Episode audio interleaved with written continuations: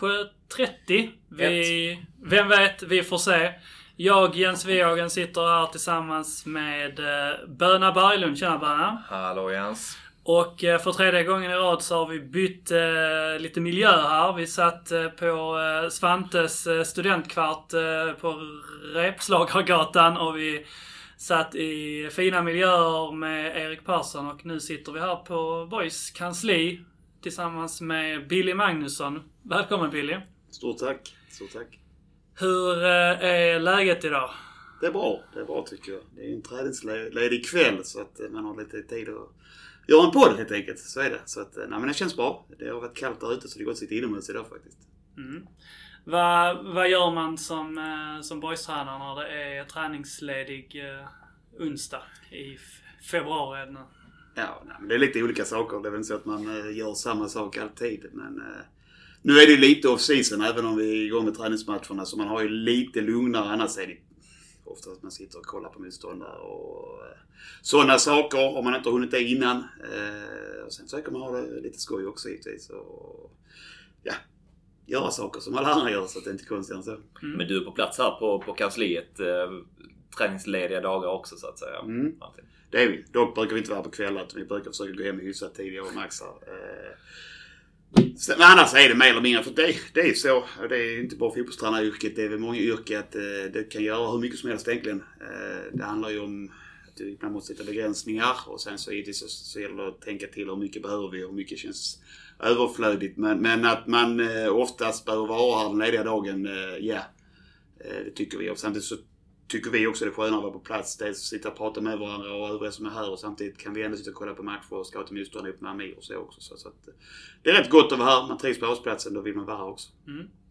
Och Böna, nu har vi haft eh, två nyförvärv. Två eh, olika nyförvärv. Både mm. spelarmässigt och eh, personmässigt. Och mm. nu så sitter vi här med med, med Billy. Hur känns, uh, hur känns den här trion som vi börjar uh, den här säsongen med? Men det känns som vi har slått på stort direkt här får man säga. Um, två två eh, namn, namnstarka nyförvärv på något sätt innan och sen så huvudtränare här. Men det känns väl gott att kunna ta steget över till någon som har varit med senaste två säsongerna som ligger och gjort, lagt grunden till det här avancemanget också.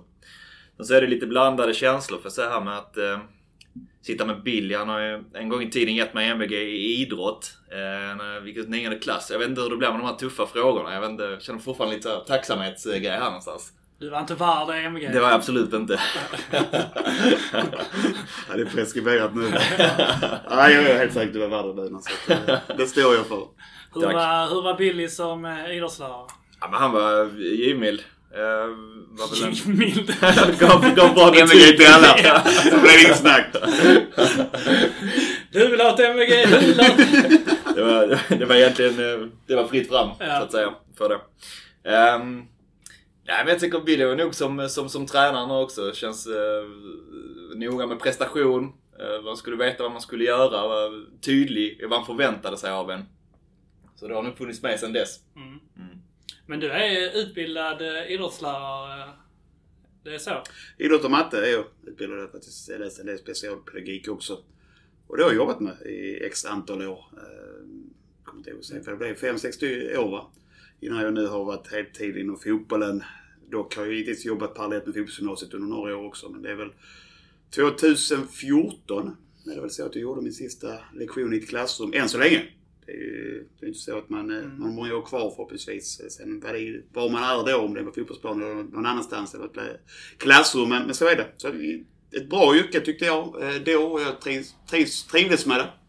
Klassisk, eh, klassisk väg in för idrottsledare väl att kombinera. Mm. Va, vad har vi? Tom Prahl är väl både och va? Och Bengan, Bengan Johansson, den gamla handbollsförbundskaptenen, hade väl också båda? Jan Andersson är väl också någon form av lärare? Ja, mm. precis. Frågan är om typ Tommy Söderberg och Lasse Lagerbäck också har eh, där. Eller om det bara är att de har GIH-auran i sig. Ja, möjligt. Nej, det är nog sant. Jag har inte full koll på det. Men Ja. det blir väl naturligt också. Alltså just kanske kopplat till både med att man leder folk men kanske det kopplat till idrottslära också som är Mm. relaterat till fotboll väldigt nära. Så, så att, eh, där finns nog ganska många som, som har både och. ja. Mm. Ja. Ehm, men jag tycker vi tar oss egentligen in här, kommer in på ehm, någon form av eh, sysselsättning, tidigare sysselsättning i alla fall. Och vi brukar ju sätta igång podden med någon form av faktaruta egentligen. Ja. Så jag tänker att eh, detta är inte gången när vi ska göra något undantag för den regeln. Utan eh, jag tänker att vi ska starta igång med någon form av eh, faktaruta. Så ser vi var, var det tar oss. Ehm, så jag börjar med ålder. 42. 42 år. Är det Ehm, en åldersnoja eller är du lugn och trygg i dina 42 år? Jag är lugn och trygg där. Ibland nästan glömmer man bort att man är gammal eller ung om man nu säger det. Men eh, det är bara att leva nuet. Så enkelt är det. Ja. Hur ser eh, familjestatusen ut? Familjestatus är egentligen det. Det är ju föräldrar, mamma och pappa, syster, syster, barn. Mm. Eh, Så det är väl den som är närmsta familjen då. Okej. För visst är det så också att du, du kommer från en, liksom, en, en- boysfamilj så att säga så? Eller? Ja, nej men det gör jag. Det är ju, jag är ju född i Landskrona. Eh, och man kan väl säga farsan och morsan då bara faktiskt spela både fotboll, inte på någon större nivå, men de var aktiva. Och pappa blev ju tränare sen i Borsthusen när jag började ihop med några andra föräldrar. Eh, och eh, även då morfar, farfar och allt det där. Så att det är boysar rakt igenom. Så det var inte mycket att välja på. Det ångrar jag inte liksom. Utan så är det ju. Mm. Men för det, det tänker det, någonting man förknippar med det så känns det som att du har väldigt stort eh, brinnande... Du har ju varit i klubben i olika omgångar så, så tänker det växer ju säkert med det. Men att det finns en inmurad liksom så här, eh, verkligen en boysare i dig. Någonstans. Um, men du har inte så liksom att du tidigt var med och drogs ut på matcherna och någon som var väldigt, eh, vad ska man säga, fanatisk i familjen eller så liksom? Jo, nej, men så är det ju. Alltså, jag var ju på matcherna, jag kan inte exakt säga. Vi minns den här cupmatchen 85 i alla fall. Det stod med en flagga och det blev straffar och så vidare. Och farsan var jätteglad när vi vann liksom. Så, så att, man var väl tidigt ute och som sagt just min, min, min, min pappa och min farfar var ju på alla boysmatcher hemma. Eh, sen åkte man med på någon bortamatch också. Eh, Så, så att eh, man var tidigt här och, och det är klart det har format en. Mm. Eh, Sen började jag ju inte spela i, i Landskrona Boys utan jag började spela i Borsesens bollklubb då. Och var ju där tills jag var 14, 14 år tror jag det var som jag lämnade. Så, så att, nej men jag ser mig som, jag har två klubbar här i stan. Det är Borshusen och Boys. Och just nu är jag verksam i Boys så det är de jag brinner lite extra för. Men jag följer Borshusen väldigt mycket också. Dock ser jag dem alldeles för sällan. Får inte få ihop det.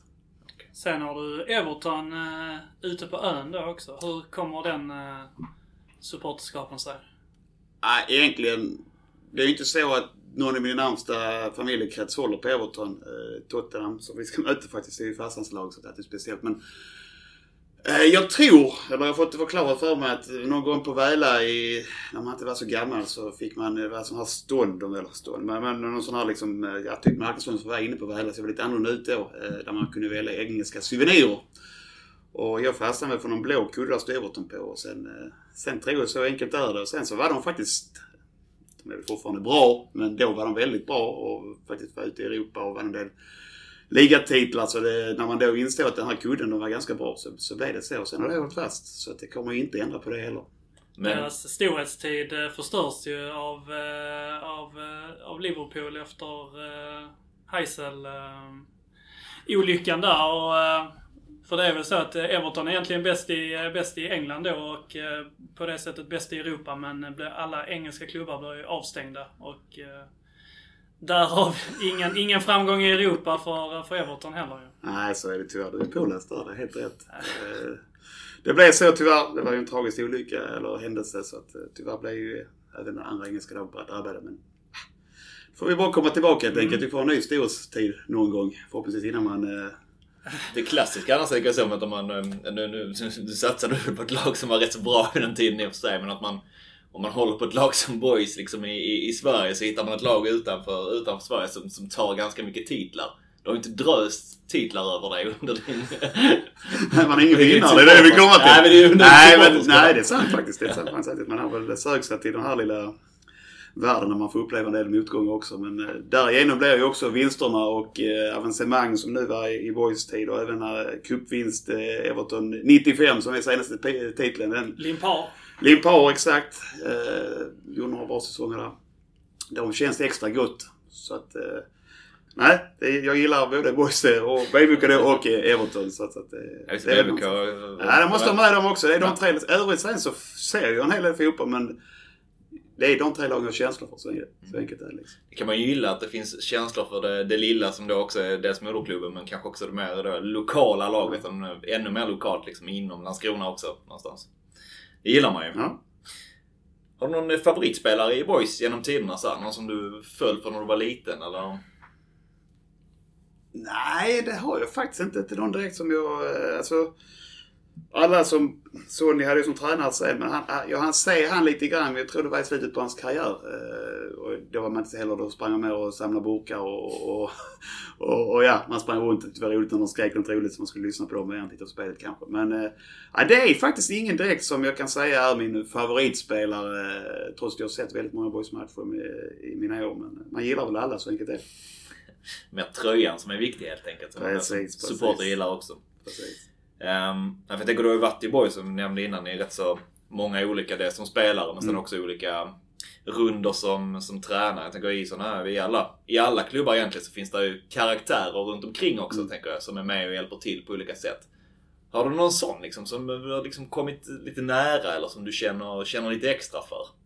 Alltså, jag kom ju hit då som, som 14-åring och, och, och eh, jag är född 78 om man inte räknat ut innan som är 42. Men, men alltså, där var ju Boys hade ju något väldigt, hade ju precis startat upp något väldigt bra på ungdomssidan. Eh, med, med Linkan och, och Hasse och, och, och så vidare i spetsen. Bosse var ju med kanske mer innan då men, men framförallt Linkan.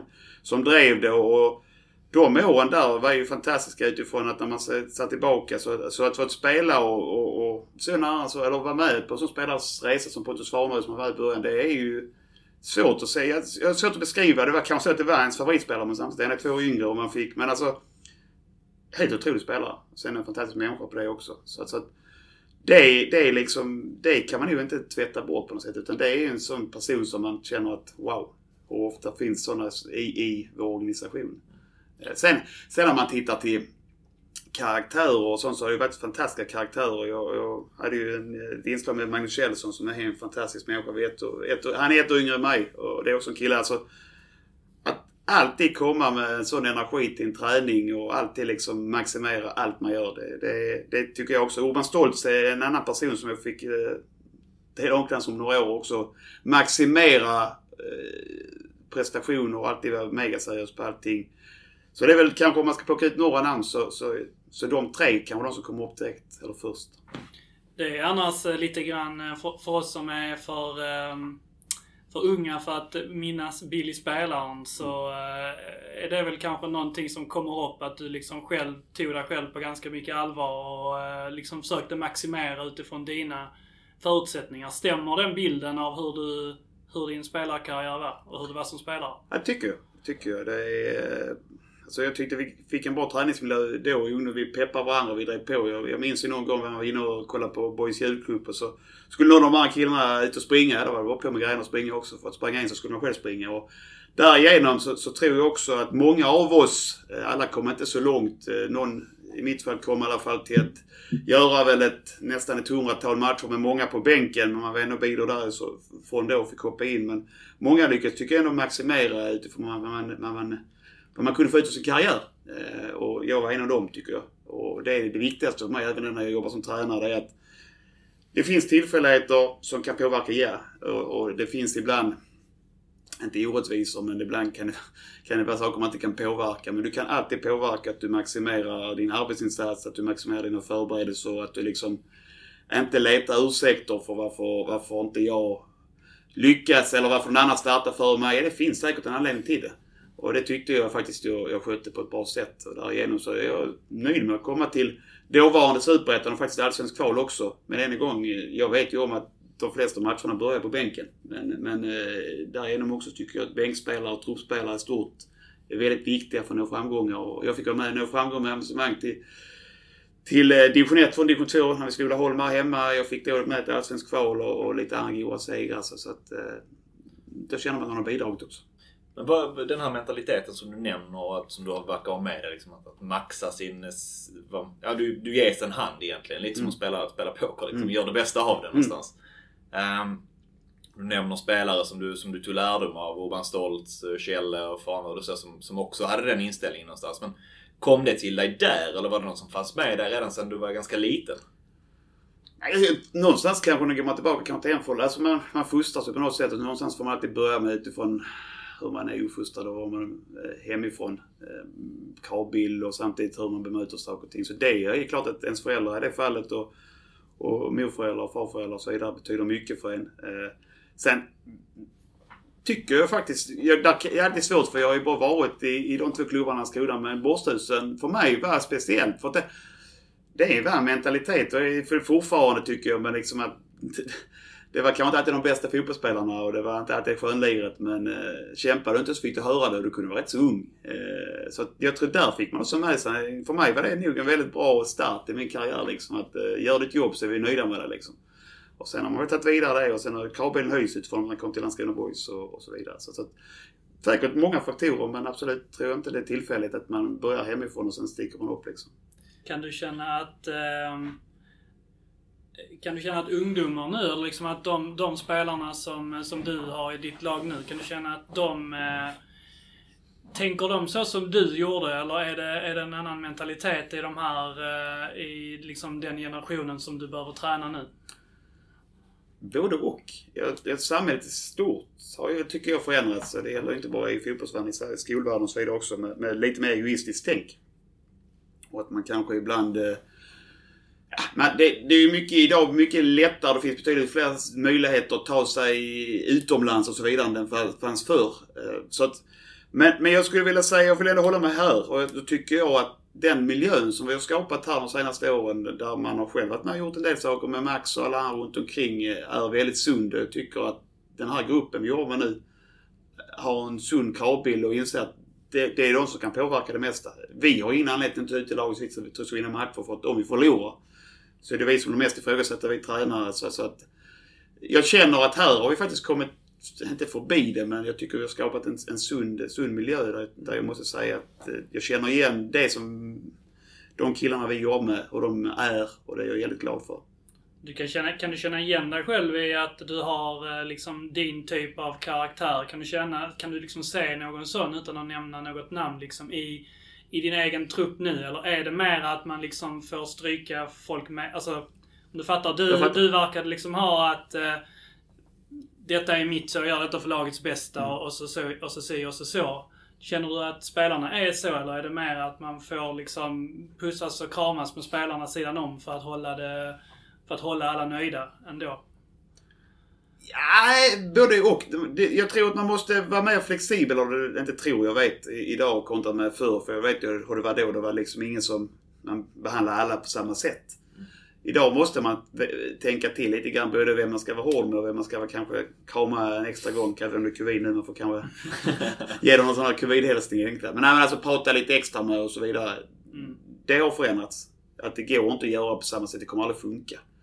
Men jag har ju också upplevt miljöer som jag tycker är mycket mer eh, vad ska jag säga, gnälliga än vad vi har nu. Och det tror jag också är en framgångsfaktor. Och jag kan känna igen mig. Jag tycker många, en, inte många, men en del av våra spelare känner jag att jag är inte säker på att de, förstår man rätt när jag säger att de kommer kunna spela Superettan, det är jag helt. Men, och de kan på en inställning ta sig nästa steg också. Men att de har redan kommit väldigt långt med en ruskig inställning. Eh, och en ruskig alltså, attityd i saker och ting. Och det är någonting man, man kan prata mycket om. Det älskar jag att prata om eh, spelförståelse, teknik och så vidare. Men... Vad menar du med att det var gnälligare eh, alltså förr? Menar du i, i liksom ett lag var, hade högre krav på sig själva eller hur? Eh? Nej, inte gnälligare förr, men jag tycker nu då. Att det nu jag, ja, inte, jag tycker inte den bilden vi har. Nej, men jag tycker det generellt sett man hör. Alltså, och det är inte Oftast hör inte jag när det gäller om det gäller någon spelare som är min eller någon spelare i närheten. Men det är alltid man letar fel. Det är en ledarens fel. Det, var, det är fel att den spelar. Det bara för att han känner pappan eller mamman till laget. Jag vet inte. Jag känner som att, ja, ibland kanske livet är orättvist då. Men, men ska vi inte försöka på, påverka det vi kan påverka istället? Det är lite det jag menar. Alltså att man letar ursäkter till varför man inte ska lyckas eller varför någon annan lyckas mer än mig. Istället för att kanske titta, har jag gjort allt? Har jag mm. verkligen ansträngt mig på varje träningspass? Har jag verkligen, verkligen varit noga med sömn, kost och så vidare. Det, det är lite det jag menar eh, när jag menar gnällig. Jag tycker att man, man letar mer ursäkter än, än eh, ser möjligheter. Tänker ni att ni liksom de spelare som ni plockar in, för du nämner ändå gruppen som ni har just nu, att du tänker att de är en, en, grupp som, som du känner att ni, ni som tränare då som vill, nej, vad ska man säga, eh, vill gro det här synsättet och hur man ser på sig själv och som lag liksom. Um, jag tänker i rekryteringen av spelare och så till det. Är det så att man plockar in spelare som, som, som matchar de kvaliteterna redan innan? Eller tänker ni att det är ni som tränare som sen ska forma dem in i det så att säga?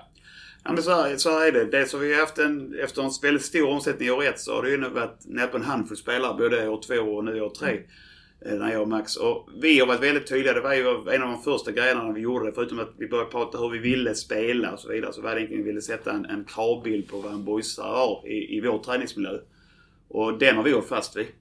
Och vi har både med år ett med befintliga spelare men sen med alla nya vi har suttit ner med alla nya spelare minst en gång innan vi har bestämt oss för att den här spelaren vill vi ha. Och då pratar vi inte bara om löpvägar, väldigt lite skulle vi säga. Vi visar lite video och förklarat i den här positionen vi vill titta på det. Utan vi pratar om så mycket annat eh, och förklarar att detta är vår kravbild på dig. Står du bakom det eller inte? Och så vidare. Och det har väl funnits eh, intervjuer, om vi kallar det, där vi har tittat på varandra Max efter att här går vi inte vidare. Nej. Men det är också väldigt många gånger det har känts. Sen börjar man ju inte den änden utan vi börjar givetvis med att titta på ett, Vad behöver vi förstärka? Två, Vad finns i vår omgivning som, eh, som kan liksom passa in utifrån eh, den ekonomiska men även hur vi spelar och så vidare. Och då börjar man där och sen kanske man då börjar researcha lite grann utifrån eh, det kontaktnät man har och så vidare. Hur, eh, hur, eh, hur heter det? om det här kan passa in. Och sen, sen därefter så, så, så, så tar man hit dem på intervju. Så kör man därifrån. Ja. ja, för jag tänker att eh, det, det, alltså utifrån liksom ekonomiska förutsättningar och liksom eh, den här lokala satsningen och så, så klart att det finns inte hur mycket spelare som helst att välja på som ska ticka alla boxar liksom. Det är klart att vissa grejer kommer man ju alltid behöva tumma lite grann på. Ja. Finns det någon så egenskap eller någonting som ni aldrig skulle liksom tumma på vad gäller att ta in en spelare om ni, om ni sitter ner med den? Ja men det är personligheten.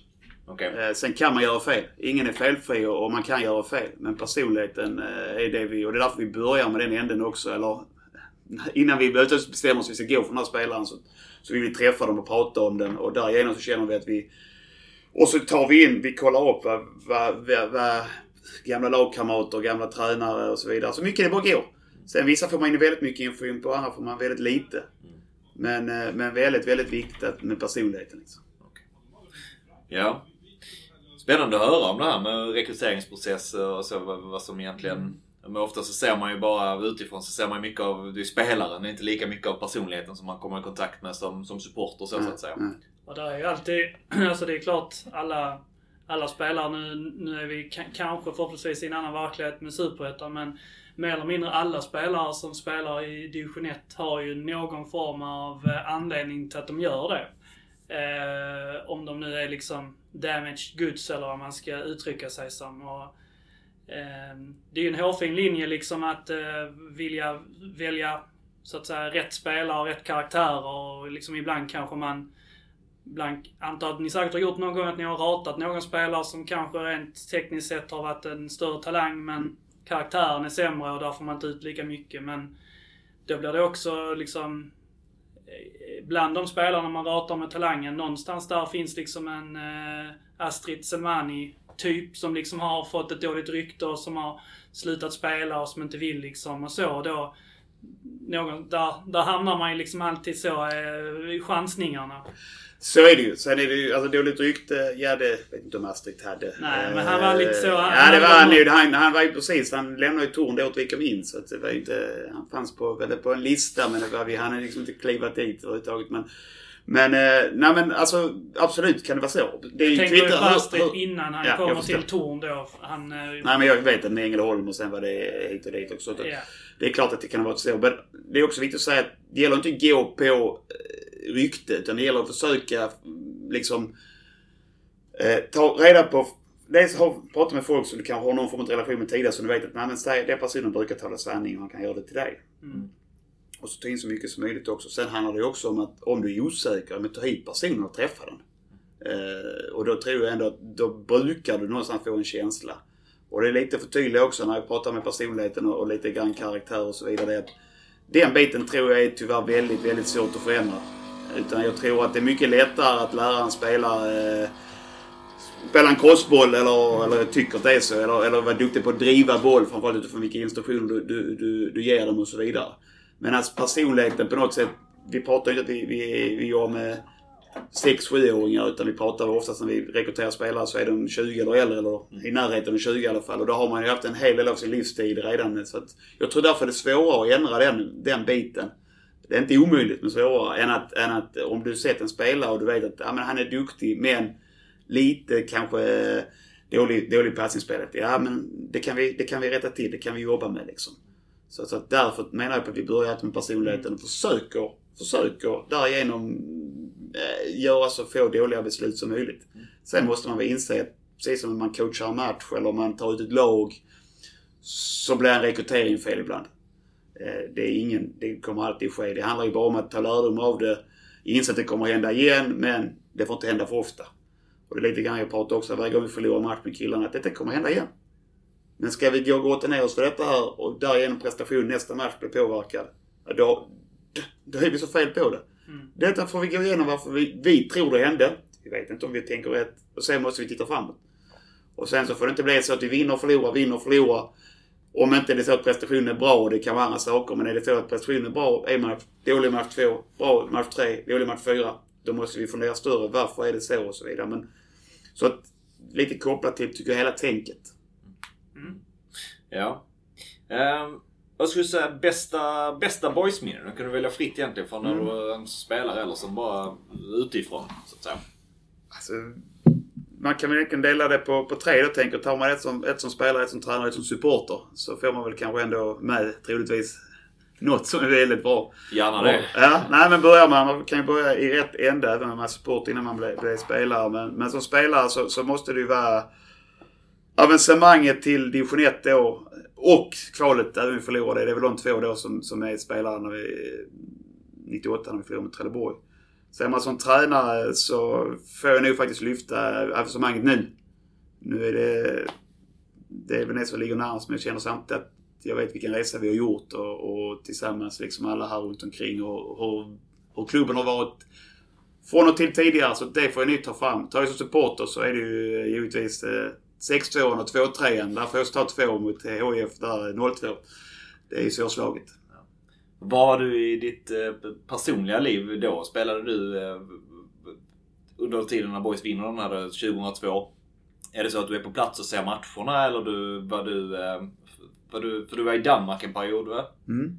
Så är det under den perioden? Eller är du på plats då också så att säga? jag tittar ju på... Jag spelar ju både Danmark i ett halvår. Okay. Det är ju när jag lämnar Boys efter 99. Mm. Så är jag i, i Helsingör då under eh, våren, tidig sommar och egentligen deras slutspurt på, på säsongen i Helsingör. Och, och, och jag bor kvar här. Okay. Det är bara att jag åker och jobbar på Västervång. Eh, så kanske till och med haft det då. eh, och, och liksom åker och pendlar. Vi tränar kvällar och vi kan träna vid fem. Så det blir liksom färja över bara. Låter som en pojkdröm att spela i Helsingör. Ja. Alla uppväxta i Landskrona. ja men de var, ja men så är det ju. Du tänker Vilken på, var var det nu? Det var i andra ligan, det vill säga typ som, eh, det är tredje ligan. Ju högsta. Ja, och sen, 1. Ja men precis, precis. Ja. Eh, som vi spelade då. Så det var, det var halvsäsong där.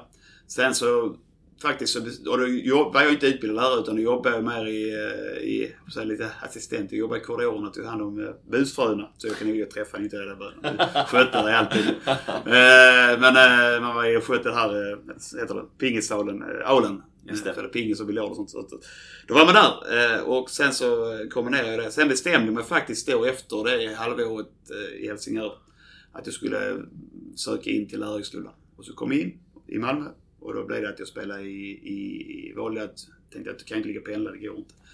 Så då kom jag tillbaka och då hamnade jag i Eslöv ett och ett halvt år. Och så.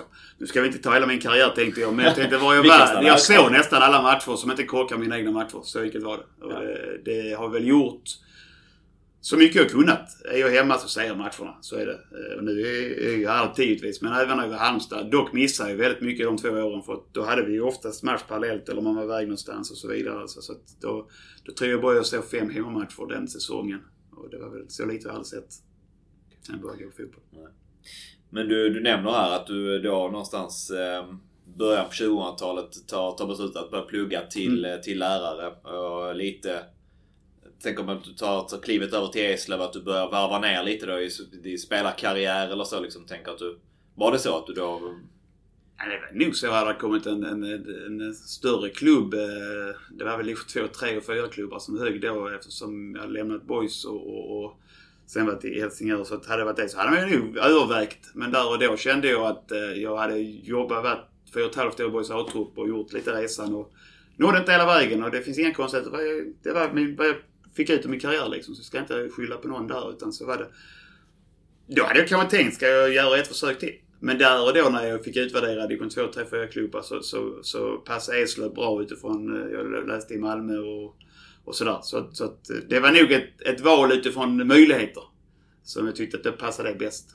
Var det så att du fick... Eh, alltså, fick du lämna, lämna Boys på eget bevåg eller var det Boys som sa att eh, tack, men eh, inte längre? Ja, men de, jag tyckte det var eh, Pude och Sonny eh, som var tränare. Men dock lämnade faktiskt efter säsongen för det blev ju Reine eh, 2000. Och eh, det var inget konstigt. Jag hade ju varit fyra och ett halvt år i A-truppen och som jag sa tidigare blev väl aldrig helt ordinarie. Hur gammal är du då när, eh, den, när du till slut lämnar Boys? Nej, jag är ju 21. 21, ja. Blir det ju. Och, och, och, och då egentligen, alltså inga konstigheter. Jag vet jag har ett samtal med, och det säger jag igen, det har något- att jag har tagit med mig i min eh, tränarkarriär sen. Hur de gör det. För de berättar tydligt att eh, ja, just nu såg de mig som, som sjunde back i en trupp. Eh, det innebär att var, jag var, skulle både spela mittback och, och ytterback och högerback då. Men jag var väl kanske i stort sett fyra på både mittbackspositionen och ytterbackspositionen. Och jag hade varit där några år och så vidare. Och de sa att det är lite upp till dig själv vad du känner. Eh, som sagt, jag här var ingen dyr spelare och jag uppfattade det som en bra truppspelare och så och så. Men, men samtidigt så tyckte jag de sa det på ett väldigt bra sätt. Och jag känner väl själv också att nej, det är inget konstigt med detta. Eh, nu har jag kämpat här och det finns än en gång ingen annan än jag själv som jag, jag tog mig så långt jag kunde. Mm. Så då valde jag egentligen att ta ett beslut att eh, innan de kanske hade sagt till mig ändå, nej men du ska kanske lämna. Att, Nej men det känns fair. Vi, det blev inte med mig. Mitt kontrakt hade gått ut också och så vidare. Så Mm. då, då hade jag först väg till Högaborg, det blev ingenting. Det blev Helsingör istället och sen blev det Eslöv och Asmundtorp då. Hur ser man på sin... eh, Du har varit inne på lite grann tidigare, men hur, hur hur ser man egentligen på sin eh, karriär när man har liksom... Man, man tar steget upp i, eh, så, så att säga, pojkdrömsklubben då, klubben du växte upp i, men... Om man är med hela tiden, men som du sa, du, du gjorde kanske 100 matcher, men du satt på bänken de flesta. Vi kollade, eller jag kollade faktiskt upp det innan. Du har gjort 44 matcher. Ja. Så precis som du säger så, du har antagligen suttit på bänken fler gånger än vad du har... Det är det man inte kommit in. De får Ja, precis. Det registreras inte de. Ja. Eh, men, jag menar om jag, eh, om jag skulle så, ta mitt och Bönas fotbollsperspektiv så. Vi hade ju liksom, vi hade ju huggt av en, eh, liksom, både var höger och vänster arm bara för att göra en säsong och göra tre matcher. Mm. Men kan du själv tänka så eh, om din karriär att, eh, att du är liksom till och med privilegierad att du fick det du fick? Eller är du, är det mer att man liksom, när man är där så vill man ha mer? När du är där så får man inte vara nöjd. Det är inte så att jag sprang runt och tyckte att nej men jag ska ju vara sjunde back här. Det var inte så jag resonerade utan där och då så det är klart att man ibland blev besviken att man tyckte men, men det handlar än en gång bara att eh, det är inte lönt. Det gynnar ingen och är du för, sur och förbannad, gå hem då och... Ja, vad du nu gjorde liksom. Gå hem och var irriterad men kom tillbaka nästa träning och kör liksom. Eller är det match och stötta och så vidare. Och det är som du säger, jag menar det, jag säger inte varför inte, jag menar det var väl fantastiskt att få fyra och, halv, fyra och ett halvt år i eh, en klubb som ens är en liten barndomsklubb eller en av de här. Och eh, därigenom också få vara med om så mycket som vi var. Jag menar när jag gjorde min första, för första inhopp så var det 95 eh, mot Gunnelse borta och det var man hade trillat ur Allsvenskan 94 och man hade bytt tränare och det var, det var lite som boys ofta, eller ibland är. Det var, det var stormigt och det, pengarna var slut och, och, och vi hade redan åkt ur, eller sy, hette division 1 södra hette det då, så vi skulle till division 2. Och där då kom in det. Så att det blev ett inhopp där mot Gunne, så det blev faktiskt inhopp den här, eh, heter det, världsrekordsmatchen va? Eh, mot, eh, mot Hässleholm där han gör tre mål. Ja. Så att Puskas och Timma där, de leder med 4-3. Du ska han. Eh, han hade- han hade bara gjort tre mål innan så det var, det var kul. eh, nej, så, så att så är det. Nej men sen därefter, jag menar. Gjorde vi ett år i tvåan och, och andra året i tvåan gick vi upp och sen så fick vi spela division 1 fotboll och till och med kvala till Allsvenskan och sen var jag ju med i det här sista året där division 1 man skulle bli superettan. Det var ju år 99 och det var ju ett tufft år för då var det nu är jag inte helt säker men jag vill minnas att det var bara de sju första lagen i, i, i det. söderettan och norrettan som, som blev, då fick spela superettan och det är ju rätt tufft. Men det lyckades, jag tror vi blev femma. Eh, något sånt. Så att det var också en bra avslut tyckte jag att vi tog oss dit och sen... Sen var jag liksom, då var min spelarkarriär i boys över. Sen var det väl inte så att jag direkt där då gick upp det kände att nej men min första tanke var okej. jag ska tillbaka. Och, och därför så var, var jag lite, körde med höga bord, det blev inte, det blev Helsingör. Och sen kände jag kanske där och då när jag kom tillbaka att ja, nu var det kanske division 2, 3, 4 klubbar som högg. Och så började jag fundera på liksom, okej, jag kör gympa, eller gympa, idrottslärare och mattelärarspåret nu istället och så får vi se. Men parallellt, det var inte så att jag slutade utan vi var ju trea med Eslöv i ett och ett halvt år och sen därefter var jag i Aspentorp i trean och tvåan i sju år. Eh, sen insåg man väl efter x antal år där att eh, det kommer inte ringa någon division 1 längre. men, eh, men det var roligt. Vi fick ju avancemang från Aspentorp där uppe i tvåan också två gånger. Så att man fick ändå uppleva det. Just det. Är det där du kommer i kontakt med? Jag har läst någonstans att eh, Rossi, en Mm. av dina största som liksom eh, som du har med dig mycket i din tränargärning. För Är det där du kommer i kontakt med honom i Aspentorp då? Så är det. Han blev ju tränare, jag kommer inte vilket år av dem jag är, om det är fjärde året eller vi hade ju, Först var det Jocke Nilsson första året som var tränare och sen var det Peter Bengtsson och sen var, hade vi Jonas Brorsson, eh, Trelleborgaren och sen var det nog Rossi där i två år. Så att det är där. Och enkelt kan man väl säga, det var nog där de åren som jag så smått på allvar började fundera att nej, man kanske ska satsa på det. Testa att bli lite tränare. Eh, när spelarkarriären över? Då var man ju en, en 27-28 år liksom. Mm. Och skapade väl en väldigt bra relation. eh, Så att någonstans han var väldigt inbjudande till att, men titta så här tänker jag och med allt det där möjligt och vara lagkapten och så också. Så det är därigenom jag säger att han var någonstans kanske den som eh, först gav mig tanken att jag skulle försöka satsa på detta här och sen har vi hållit kontakten och vi är väldigt goda vänner idag och träffas någon gång varje år liksom. Så att det är där jag först kommer i kontakt med honom. Sen är det ju också som så att det är ju han, efter då att han lämnar Asmentorp så är han runt i några klubbar och hamnar i boys igen som, som, eh, som någon form av, eh, han blir ju U19-tränare, tips tränare blir han helt enkelt. Och det är han sen som ligger på mig i, i två år, i BBK, tre, tre år liksom. Kan du inte komma hit? Kan du inte komma hit? Okej. Och, och det är klart att det är ju, går det från att vara huvudtränare i division 4 eh, och då är det, ska man också ta ett annat beslut här i livet och det tror jag också man ska, kan sända med till, till lite yngre tränare. Eh, I mitt fall var jag 31-32. Att, att eh, ja, det är klart att jag tjänar mycket mer pengar av att vara tränare i, i, i division 4 som huvudtränare än att, som jag hamnade när Rossi var på mig, du kommer, vill du ge så måste du gå in på den banan nu och bli attesterande i U19 och U21 till honom. Eh, men jag tackar han än idag att han inte slutar tjata på mig för att jag tackar nej ett par gånger. Eh, men nej, men jag trivs bra. Det är roligt på BBK. Vi har gått upp en serie och vi ska gå mot division 3 och så vidare. Men, men han på något sätt sa att, så att till sist, han slutade inte tjata utan sa att du kommer ångra dig. Om du ska ge fotbollen en chans så ska du in i en större organisation och få jobba lite med den här typen av spelare. Så jag kom in där, eh, mycket ansvarstjänst. Helt klart. Och fick jobba med 93-94 i boys. Det hade faktiskt några kvar nu. Så Ja, jag tänkte det också. Det var en hel, en hel drös av dem. Nej. Ja, det är ju eh, Tekats 93 och sen är det, eh, heter Robin och eh, Caddy som är kvar. Ja. Från- Dennis är inte... Ja, Han Dennis- är yngre ju. Ja, 96 Dennis, var ju så här att eh, när jag kom in, så mitt första år var ju, eh, var ju ass till Rossi. Mm. Och då var det de tre, om man säger, som i årtruppen då, som var där. Det var ju mest 93-94. År två sen så blev han, ju- han assisterande till Jörgen i A-truppen. Och då blev jag huvudansvarig i U19. Och då blev det ju att eh, Tekac blev för gammal. Eh, Robin och Kadu var i A-truppen men kunde spela med U19. Och sen så fick vi flytta upp. Vi hade ett rätt ungt lag där men det blev väldigt många bra spelare. Rasmus Alm 95, Dennis Olofsson 96. Eh, Erik Andersson var ju 97. Han var ju också uppe redan i A-truppen men fick spela en del matcher eh, med det U19-laget. Och Filip Ljung var också 97 som var uppe och körde, som nu är i Torn va.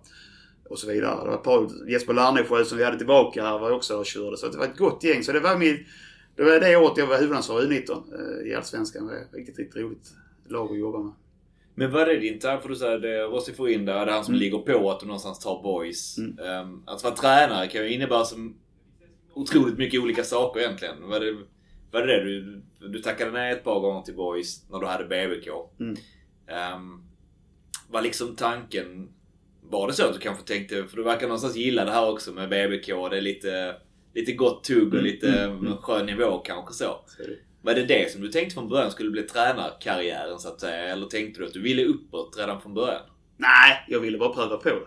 Eh, och sen var det egentligen så att det blev lite rörigt där med Aspetorp. Vi, vi klarade oss kvar i tvåan sista året. Sen blev det lite... Aspetorp skulle in till Boys som samarbetsklubb och... Ja, en lång, lång grej. Vi kan släppa den här men, men det kraschade liksom. Så på något sätt så var inte det ett alternativ som spelare. Och då var ju BPK snabbt på mig och Kille Andersson som då skulle flytta hem från, från Malmö. Eh, som jag har spelat med nästan hela min karriär som jämngammal och började BPK samtidigt och så vidare.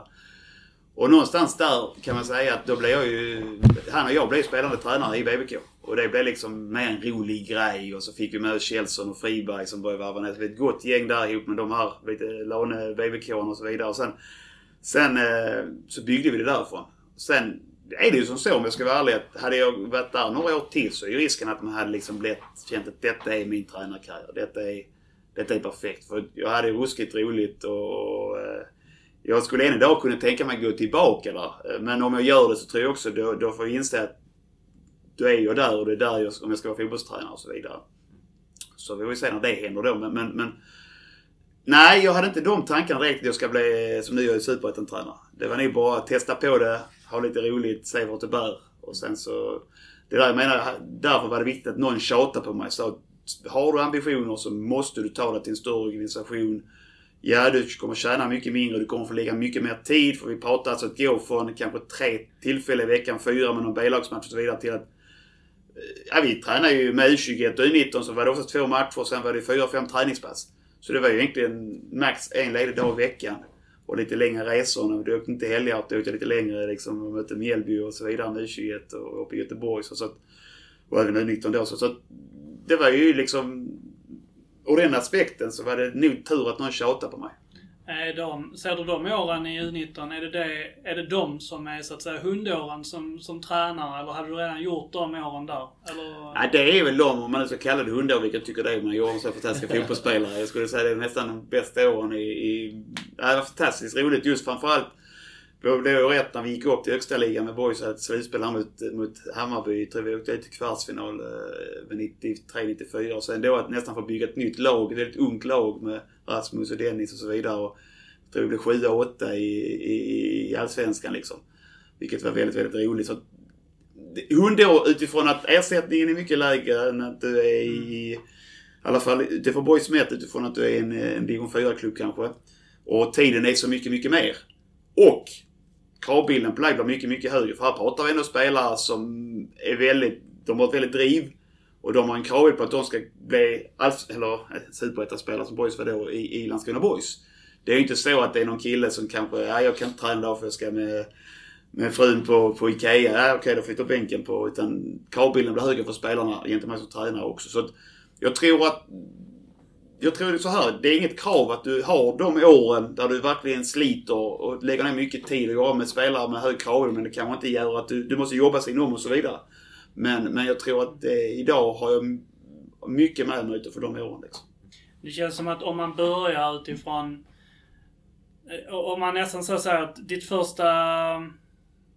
Hur var det? Hade du Asmundtorp som, som tränare? Nej. Nej, utan ditt första riktiga tränaruppdrag var BBK.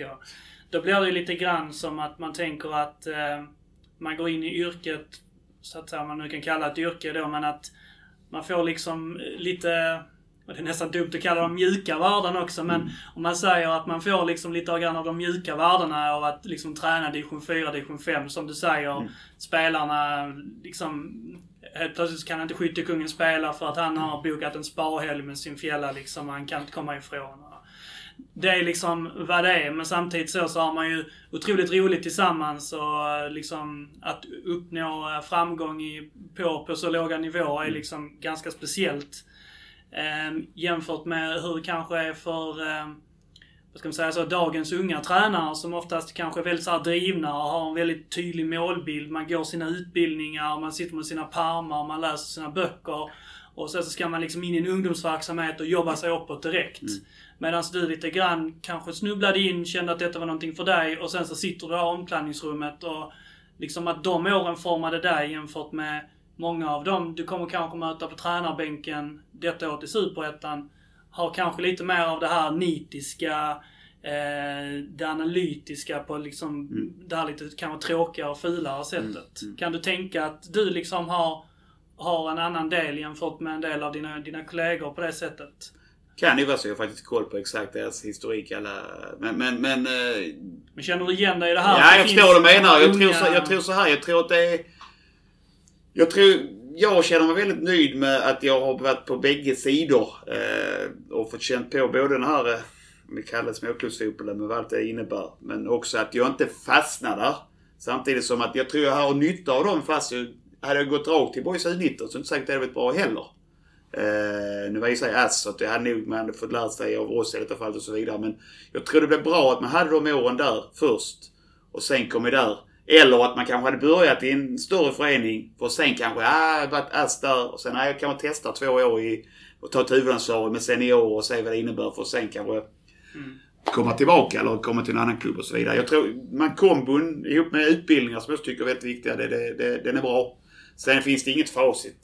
Något funkar för någon, något för någon annan. Men jag tror att för mig så tror jag kombo, men framförallt så vill jag trycka på, för det kan jag känna ibland när jag pratar med Seliderna också, och det gäller inte bara Landskrona. Jag tror, tyvärr tror jag inte många inser att vill du bli en bra fotbollstränare så du kallar dem hundåren. Det kan, utifrån ekonomi och utifrån tiden du lägger så köper du säger. Egentligen är det de mest fantastiska år du kan ha. Men, men, men, men jag tror att du måste vara beredd att, att det är en viktig del för att du ska bli en bra fotbollstränare för många av oss. Det är ju en så här stor debatt nu i um, alltså elit, elit fotbollsvärlden. Mm. eh, här i till exempel Prem- Premier League. Vi ser eh, Fat Frank Lampard fick uh, kicken liksom av, eh, av Chelsea och eh, man ser de här gamla storstjärnorna, hur de, de, liksom, de blandar och ger så. Vissa gör det väldigt bra, Zidane såklart, och Gerard gör det liksom bra i en liten pöl och så. Men samtidigt så är det många som, som kraschar och så, där det är liksom tycker jag i alla fall, många som ändå är vettiga och liksom försöker förklara det att fotbollstränare är ett yrke. Och egentligen i alla yrken så blir man bra på det man gör liksom. Så att om du inte har gjort fotbollstränaryrket så blir du inte automatiskt bra. Precis som att du blir inte en bra fotbollsspelare om du inte tränar. Du blir inte en bra lärare om du inte är ute och lär liksom. Ehm, att det är, det är ett komplext yrke. Det är inte liksom bara att kunna fotboll heller, utan det är många, många aspekter där. Och, ja, men just det här att man måste, att göra saker är det sättet man blir bra på det att göra. Nej men jag, jag håller med. Alltså det är ju...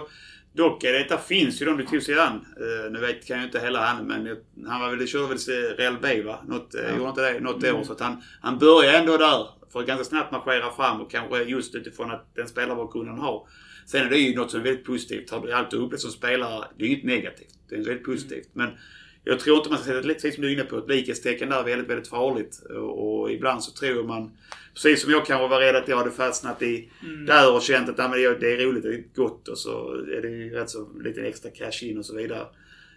Att det kan vara lätt att liksom gå för första bästa. Att, nej men detta blir perfekt. Det är ju vilken chans jag får. Jo men du kanske går in där med en dålig förberedelse för du har aldrig varit som du är inne på tränare eller direkt sådär. Det är lätt att, lätt att tänka. Alltså så kan jag tänka om mig själv så. Jag har liksom ingen bred tränarerfarenhet så. Men jag liksom ser mig ändå som en, eh, så att säga, en bildad fotbollsman så. Men på grund av den svansföringen så, så kan jag också liksom känna att jag kan ju tänka att om jag hade valt ett tränaruppdrag så hade jag eller liksom valt den vägen, så hade jag nog tagit för lätt på det för att jag hade litat för mycket på mina liksom, erfarenheter som spelare och supporter och liksom att man har lagt ner den tiden man har. Jag tror att många fastnar i den. Och kanske där som du säger då att många man är liksom kanske inte beredd att göra hundåren då, lägga ner all den här extrema tiden och, och så för att man, man tycker kanske inte att det alltid är, finns ett värde i att göra det för att man redan, man redan kan det. Precis. Nej men det är du inne det är du säger helt rätt. Just det här med... Alltså att jobba med spelare som ställer frågor, och ställer krav på dig och, och liksom... Sen har du en föräldrabit ibland du måste hantera och så vidare. Alltså det är mycket... Det, det är de här åren, de är, de, de är svåra att få bara genom en utbildning eller genom en bra spelarkarriär.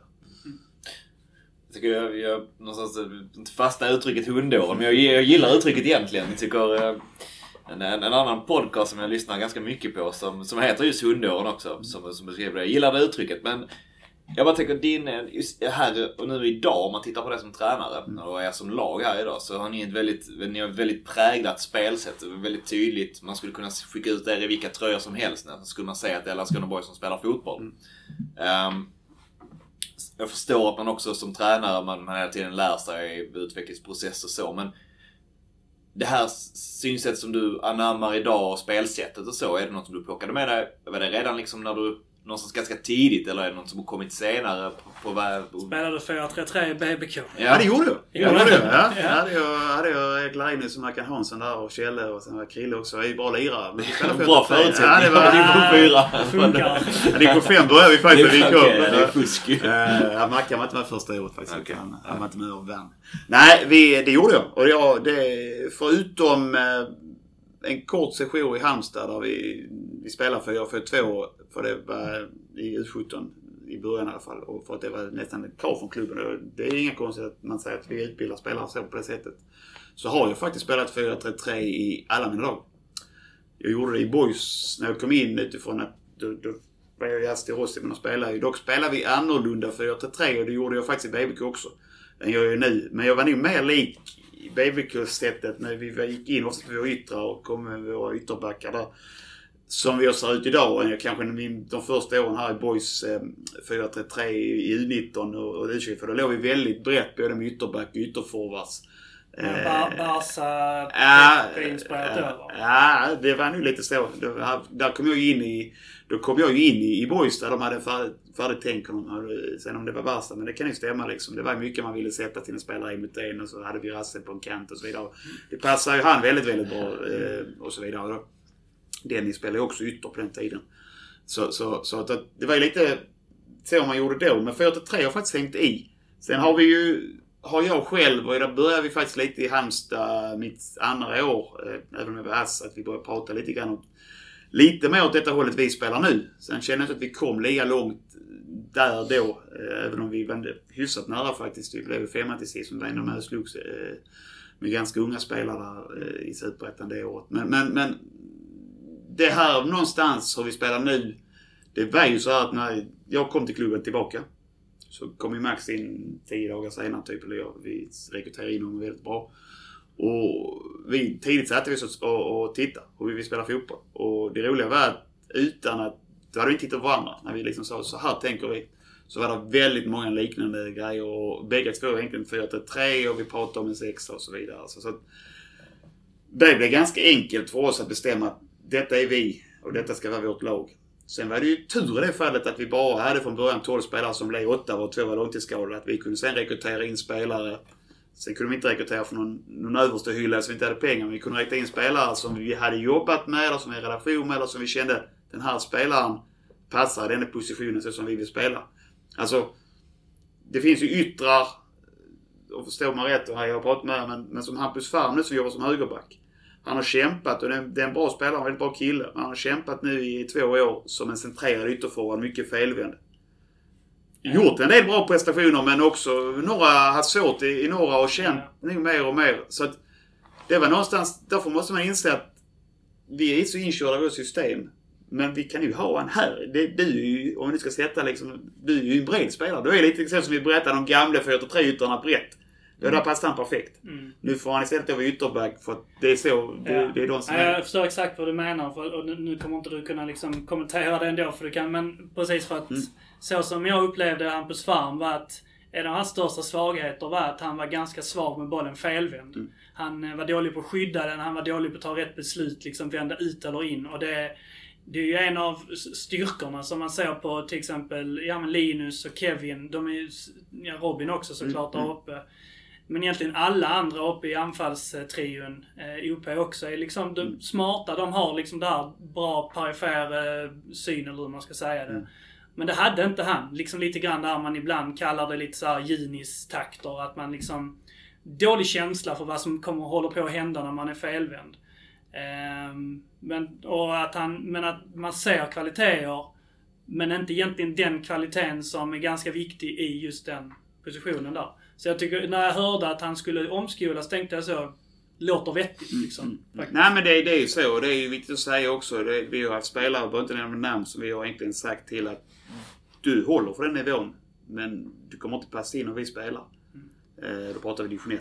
Eh, och, och då har vi också varit ärliga att vi tror att det är bättre att du söker dig vidare för att här, nu du är inte trygg. I Hampus fall så kan man ju säga att han har också varit utlånad och, och det man ska hylla han, eh, jag förstår vad du säger att vissa prestationer kommer, men det man ska hylla han är att han har, han har, han har kört och han har accepterat och när han fick frågan nu sa vi liksom att eh, du får välja själv.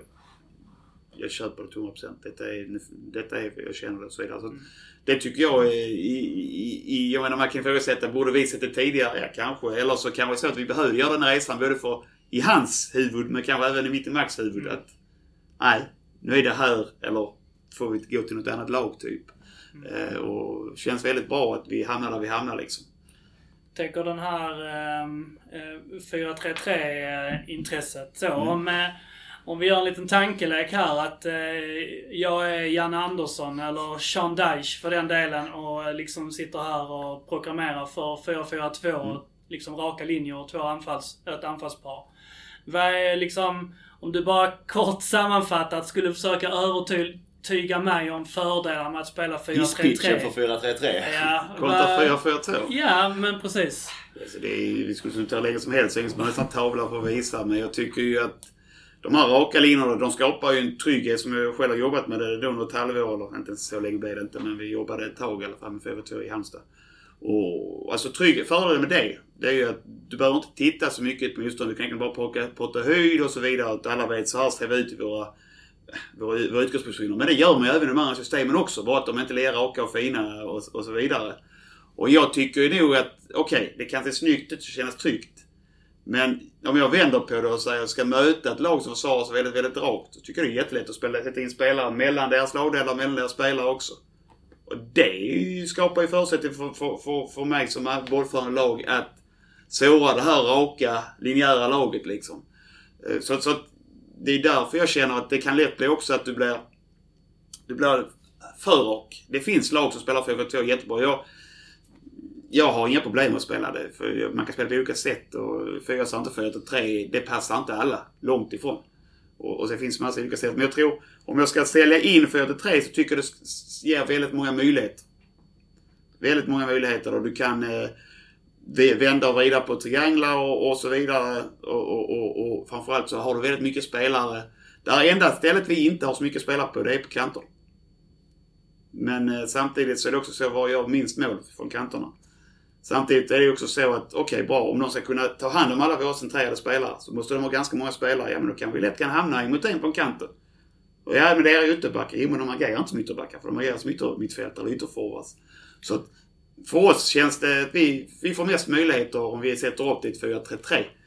Eh, sen har vi ibland gjort lite andra saker också. Men, men det är väl det jag skulle försöka sälja in utan att hålla på med tavlor och video och så. Så eh, Mm. Hisspitchen är klar. Ja. Men eh, hundåren är gjorda som sagt. 4-3-3 har satt sig hos Billy Magnusson som, som tränare och... Eh, Tänk nu att jag spelar någonting annat sen då. Men Vad sa då du? säljer vi in ja detta exakt, exakt. Ja men exakt. Och du, du någonstans tagit uh, U19 där Ja.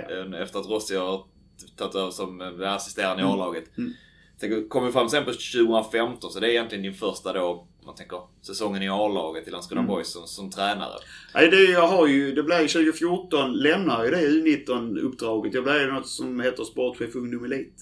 Okej. Eh, och jobbar med det egentligen. Det innebär att Mats Aronsson var ju sportchef för senior och sen så behövde han någon som var under honom som jobbar med egentligen U19, U17 framförallt men även U16 men framförallt U19 och U17. Så att jag, eh, jag var inte tränare fullt ut då utan då, då jobbade jag på fotbollsgymnasiet och sen så var jag på träningar med U19 och U17 ett par gånger i veckan. Jag följde deras matcher, hjälpte dem med lite analyser, var, var feedback. Jag var även U16 blev att jag tittade lite grann men det var prio på våra U17 och U19-lag och ett halvår Sen var det ett väldigt framgångsrikt lag och så hade U21. Det var det jag coachade ihop med oss i, till början med. Sen skedde det ju grejer resultatmässigt om man kollar på det så U17 blev ju trea. Det ska inte jag ta förtjänst för utan de, de gjorde ett bra jobb där med, med 97orna utifrån att de blev trea i SM.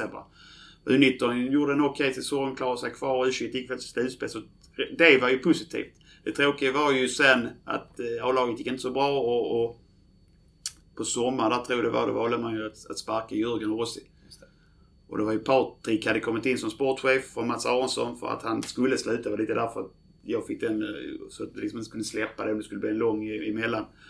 Och sen så, så, så Patrik och Mats Andersson eh, som också var med lite grann som extra blev ju där och sen så äh, blev det att jag också hoppade in som någon form av assisterande. Jag kände väl alltså att jag, det var lite svårt faktiskt för att jag var nära Rossi och även hyfsat nära Jörgen och si och så. Samtidigt så satt jag faktiskt och pratade med dem på kvällen direkt så att säg nu för jag kommer aldrig göra något om ni tycker att det är fel. Nej, nej, men vad fan, det är inte du som har sådär. Så att det, det ska hela dem också. Så sen blev jag så att parallellt med att jag verk, för jag kunde inte sluta med det, så, så, så fick jag även assistera så mycket det gick okay. i 2014. Så jag var faktiskt inne ett halvår i Superettan där. Dock åkte vi ur, så det var ju ingen... Vi, vi låg vissa i botten när vi tog över också, så det var samma ungefär. Men, ja. men 2015 var mitt första hela år på seniorsidan. Ja. Som assisterande. Ja. Det blev ju stormigt då. Jag tänkte så här att det var lite dit någonstans jag, jag tänkte jag skulle komma. Det var, slutet på 2014 var inte, det var inte superenkelt heller. Nej, det var tufft. på att åka ur såklart. Mm. Men du var inne på det innan. Du är med som spelare under tiden på 90-talet som också kantades av rätt så stormiga tider. Um, 2015 är första året på då nästan 20 år som boyspelare i tredje divisionen mm. och självbilden är någonting helt annat. Och så mm. man ungdomssidan så pratar man fortfarande om, eller är liksom och spelar SM-slutspel och så. Um, man åker då ner och uh, ska börja om i division 1 någonstans mm. när du hoppar på som assisterande till Svestan då. Jag tänker personligen så, det, det blev inte lättare när säsongen satte igång Nej. 2015. Nej, det var tufft.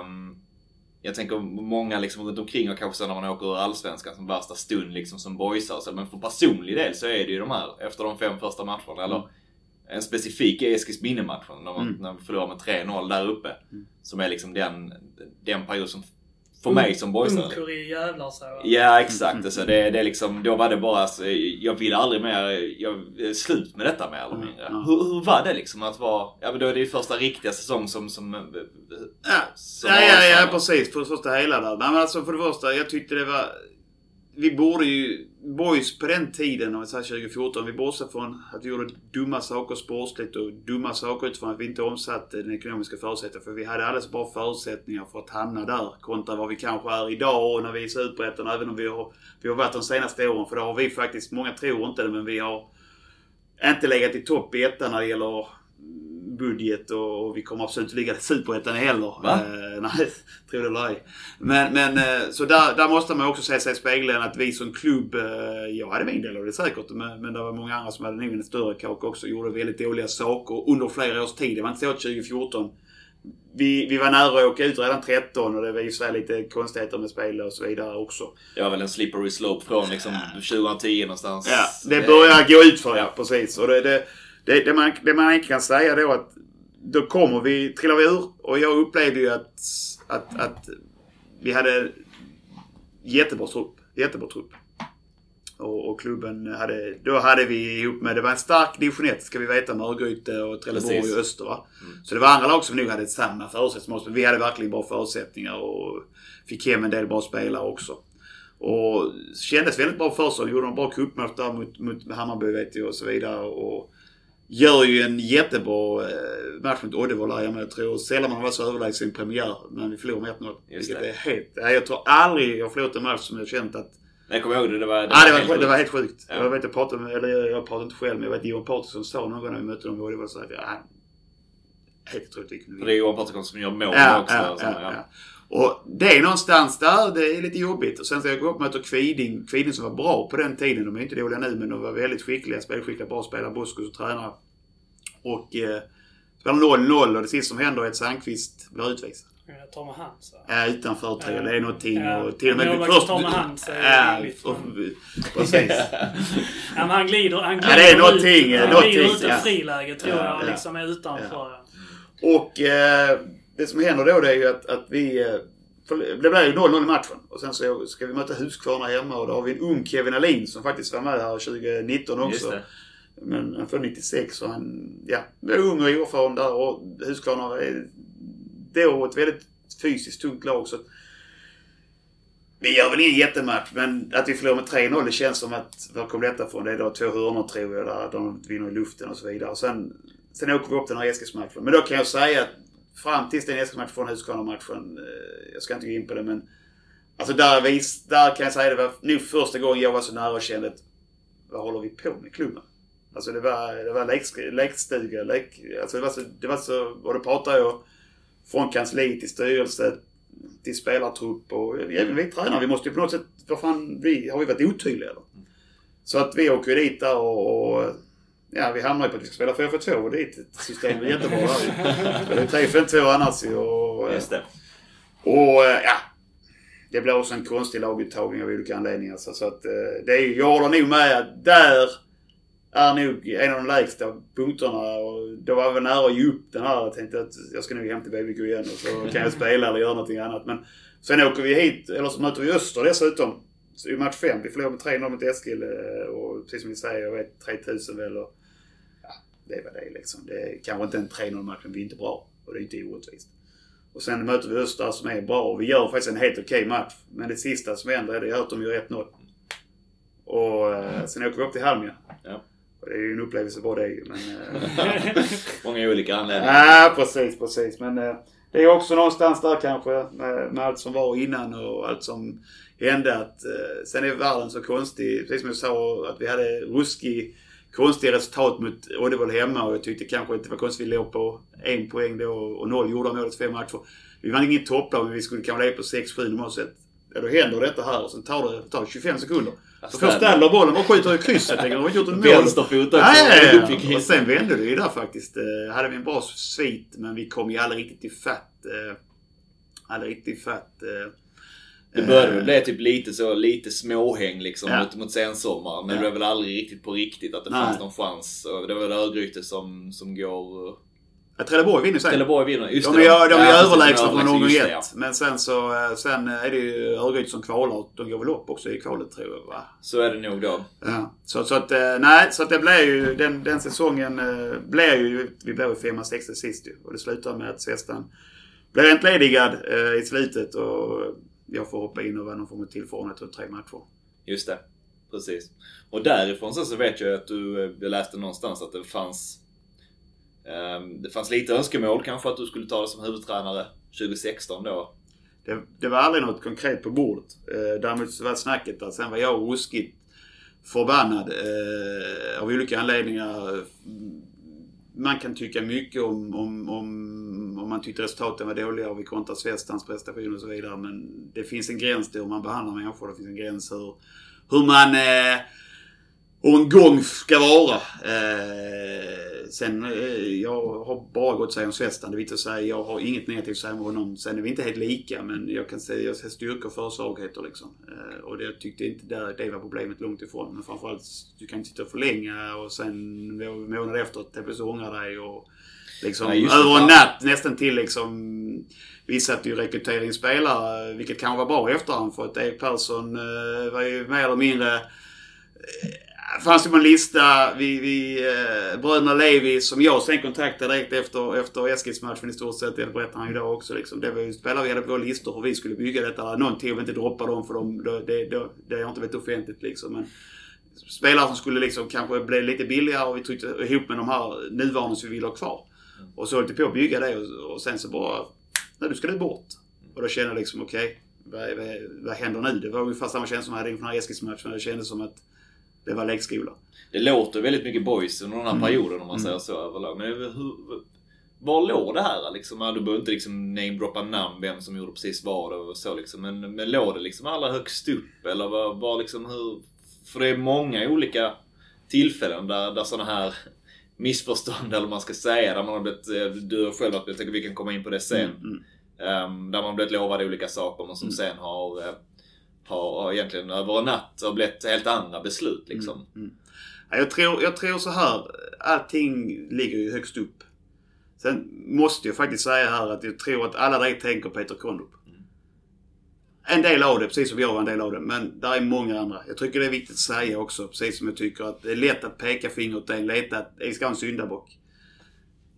Jag gjorde dumma saker och han gjorde dåliga saker också och det är andra som gjort. Men det är lätt, det tycker jag är viktigt att säga. Jag har ibland väntat på att Jag måste få säga det för att det, det ska man inte alltid bara peka ut en person. Det blir inte så på en person. Eh, aldrig. Det är samma som att en tränare, det är inte bara och sällan en tränare. Sen kan det vara lättare att det leder en tränare och så vidare. Men jag tyckte att, ni, du var inne på det själv, det hade varit en negativ spiral. Och man gjorde ingenting åt det. Man gjorde ingenting åt det utan man lät det bara vara och så bytte man ut någon så liksom och så köpte man en låt och hoppades nu ska vi vinna väl. Nej det gjorde vi inte nu heller. Så blev det, sen blev det allting sämre. Sen vissa saker kan man inte påverka. Det som hände 13 med, med den här matchfixings, vad nu det innebar. Det är klart att det var negativt. Och det kan vara svårt att påverka eh, Lia mycket. Men, men där tycker jag det är väldigt viktigt att säga att detta är något stort och jag vet inte, jag vill inte sitta här och gå men jag ville sagt det faktiskt att eh, det är inte en person man ska hänga för saker och ting. Det tycker jag är viktigt att säga. Eh, sen där kanske fördelen är om vi backar bandet till 2019 att det fanns liksom ingenting Boys var i spillror. Eh, det fanns ingen annan väg att gå än den vi valde. Eh, sen blev det bra utifrån kanske att vi hade turen att jag kunde rekrytera in Max. Eh, vi tillsammans blev ett bra team och sen har vi byggt på det och sen kunde vi rekrytera in bra spelare som har funkat och så vidare. Och styrelsen måste jag säga som, som du får inte glömma här, om jag kanske tidigare har kritiserat hur det var tidigare måste jag säga har varit väldigt, väldigt bra mot oss och gett oss stort förtroende och samtidigt stått fast de gångerna det har gått sämre och liksom varit tydliga att detta är vad vi har, vi har inte mer liksom och så vidare. Så att hur var det och hur, hur är det egentligen att jobba liksom under de eh, omständigheterna som det var de där åren om, om vi nu mm, i brist på Mm. bättre ord Mm. kallar dem Peter Kondrup-åren där som liksom ändå trots allt kulminerar med att eh, Ja, det händer ju mycket så. Mm. Vi har inte ens kommit in på det här men du får ju lämna sen också. Eh, Vi behöver inte ens liksom ta det i åtanke men för att utifrån som supporter så är det ju liksom så är det ju lätt att se på det kanske, ja, med utifrån ögon. Om man tänker liksom så, vad, vad, alltså, vad händer? Mm. Lös problemen liksom. Mm. Men är det det att man är så mycket inne i det, att man bara liksom ser små kortsiktiga lösningar och liksom försöker ta sig igenom arbetsdagen? Eller ty- tyckte, tycker du även nu att ni liksom där och då hade planer och idéer för hur det skulle bli bättre? Eller hur, hur, hur funkar man egentligen? jag tyckte vi levde, om jag ska utvärdera jag satte mycket mindre erfarenhet och jag var ju inte, jag var liksom assisterande tränare. Sen måste jag säga mig, kunde jag gjort bättre saker och så vidare.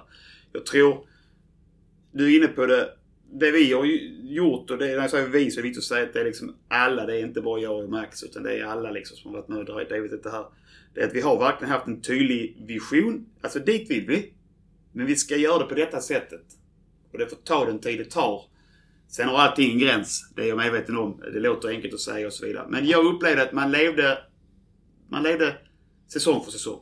Mm. Så när, om man överlevde säsong, jag bara hittar på utan att ha full koll, säg 2012 då. Jag vet inte hur den var. Man överlevde det men, men det blev besvikelse ändå. Okej, vad gör vi nu? Ja, vi får se, de spelar kontrakten går ut. Ja, ja, då tar vi bort honom där.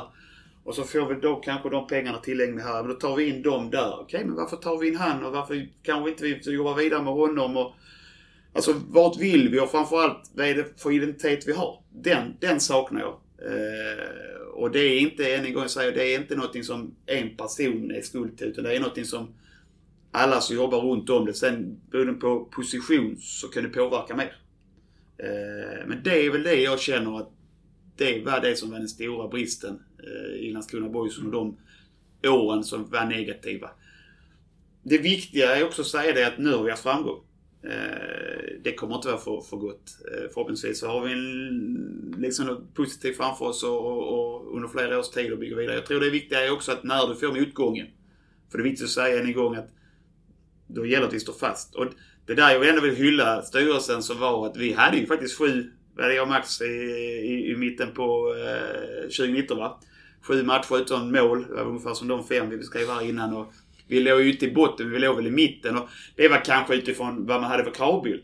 Men det var ändå sju matcher. Vi, vi, vi förlorade mot Eskil borta med 2-1 och vi noll, blev nollade av Skövde hemma och nollade av Assyriska och Kristianstad och så vidare. Så det, det är klart att där och då hade det kan vara lätt att, att ta något publicistiskt drag. Nej, de här knattetränarna de, de kastar vi iväg nu. Utan nu tar vi in en 4-4-2 och så långa bollar. Ja, det, liksom. Ta lite inkast. ja, det vet jag inte om det var så, men jag tror nog att man hade gått på ett säkrare kort kanske. Och kanske då utifrån att det publicistiska valet att detta kan alla, det hör man alltid. Ja. Detta kan alla. Och jag brukar, nu måste jag ställa en fråga till dig som är 4-4-2 här Jens. Vad gör lag? Vad gör lag? När, när vi spelar 4-3 och går dåligt, gå tillbaka till 4-4-2. Men vad gör lag som förlorar ett par gånger 4-4-2? Vad går de till? Ja men de... Eh, 3-5-2 är väl ofta det. nu jag sa att jag de så. Ja men precis. Det de gör är väl... Eh, så att jag är nog ingen förespråkare för 4-4-2 heller jag egentligen. skojar bara. Det Men eh, det de gör är väl att de antingen så spelar de 4-5-1 istället Mm. eller så, eh, så eh, kör de ännu enklare liksom eh, ordningsregler i, på spelplan liksom. Så att det som redan var simpelt försöker de göra ännu simplare. Det är Nej, jag håller med dig. Du sa det. inte, det sa jag också. Men det är ju ändå... Så att, så att det blir, ja, men det, det är lite åt det hållet.